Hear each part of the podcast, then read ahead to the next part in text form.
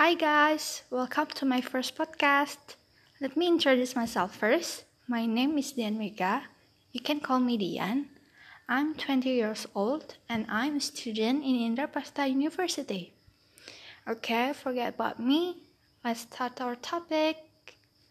So, we're going to discuss about the difference between wish and hope. Jadi, kita akan mendiskusikan perbedaan antara kata wish dan hope.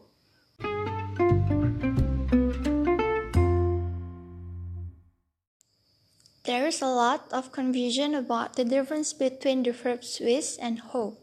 So, I would like to clear it up in this podcast. Ada banyak kebingungan tentang perbedaan antara kata kerja wish dan hope. Jadi, aku mau menghapus kebingungan itu di podcast ini. First, the verb hope is used to talk about possible situations that we desire in the past, present, and future. The important thing to note is that these situations are possible. Pertama, kata kerja hope biasanya digunakan untuk berbicara tentang situasi yang memungkinkan, yang kita inginkan di masa lampau, masa sekarang, dan masa depan. Hal terpenting yang harus kita perhatikan adalah situasinya memungkinkan. For example, I hope you have a great day. It's for present tense. Semoga harimu menyenangkan. Itu contoh present tense. Another example, I hope you had a good time at the party last night. It's for past tense. Saya harap kamu memiliki waktu yang baik di pesta tadi malam. Itu contoh penggunaan past tense. Last, I hope my boss gives me a promotion this year.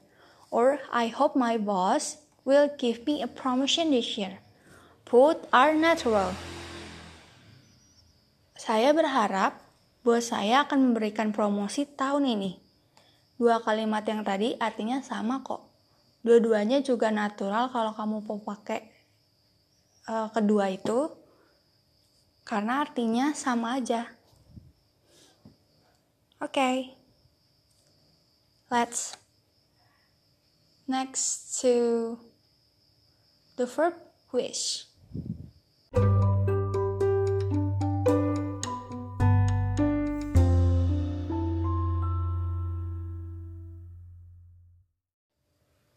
On the other hand, wish is used to talk about situations that we desire, but which are opposite of current reality or which are impossible.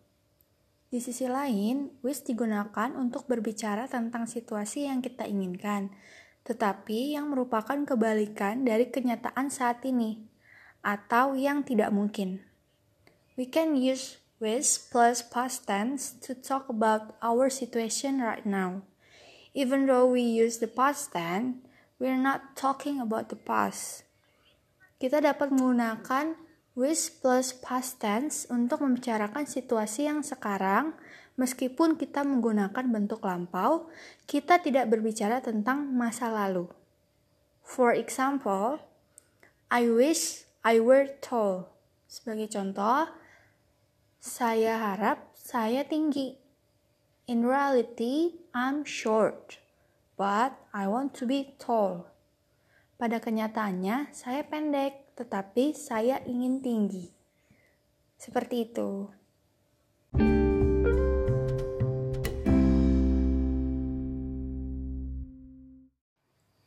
Okay, next.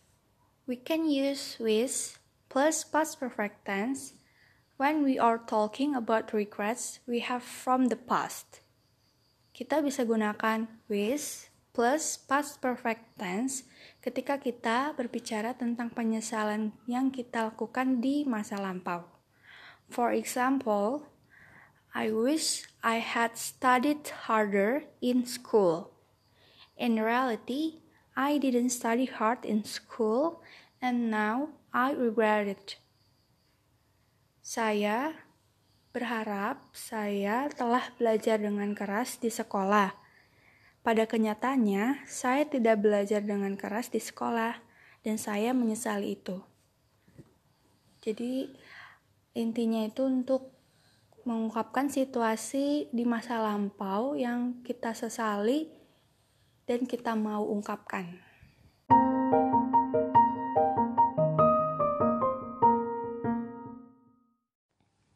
You can see from these examples, using with plus past tense and then present perfect tense, that it's unlikely to happen in the present or future or that it didn't happen in the past. Seperti yang dapat kita lihat dari contoh-contoh yang tadi, menggunakan wish uh, itu tidak mungkin terjadi di masa sekarang ataupun di masa depan atau itu juga tidak terjadi di masa lalu. Jadi sebenarnya penggunaan kata wish ini tuh untuk hal-hal yang mustahil tapi kita ingin gitu terjadi. Padahal juga sebenarnya nggak bisa. Uh, dan juga kita udah bahas tentang hope juga tadi. Uh, sekarang juga tentang wish juga udah. Jadi intinya aku mau bilang aja sih kalau penggunaan kata hope itu untuk hal-hal yang kemungkinan bisa terjadi. Dan penggunaan kata wish itu untuk hal-hal yang mustahil terjadi. Perbedaan besarnya itu aja sih. I hope that everyone now understand the difference between these two words. Saya harap semuanya sekarang udah ngerti perbedaan antara dua kata ini. The best way to really learn, them is to memorize the full sentences and then change the small details in order to create new sentence. Cara yang terbaik untuk benar-benar mempelajari yang tadi itu dengan cara untuk dihafalin sentence kalimat-kalimat yang lengkap lalu kalian ubah menjadi detail-detail yang kecil supaya supaya bisa membuat kalimat-kalimat uh, yang baru gitu.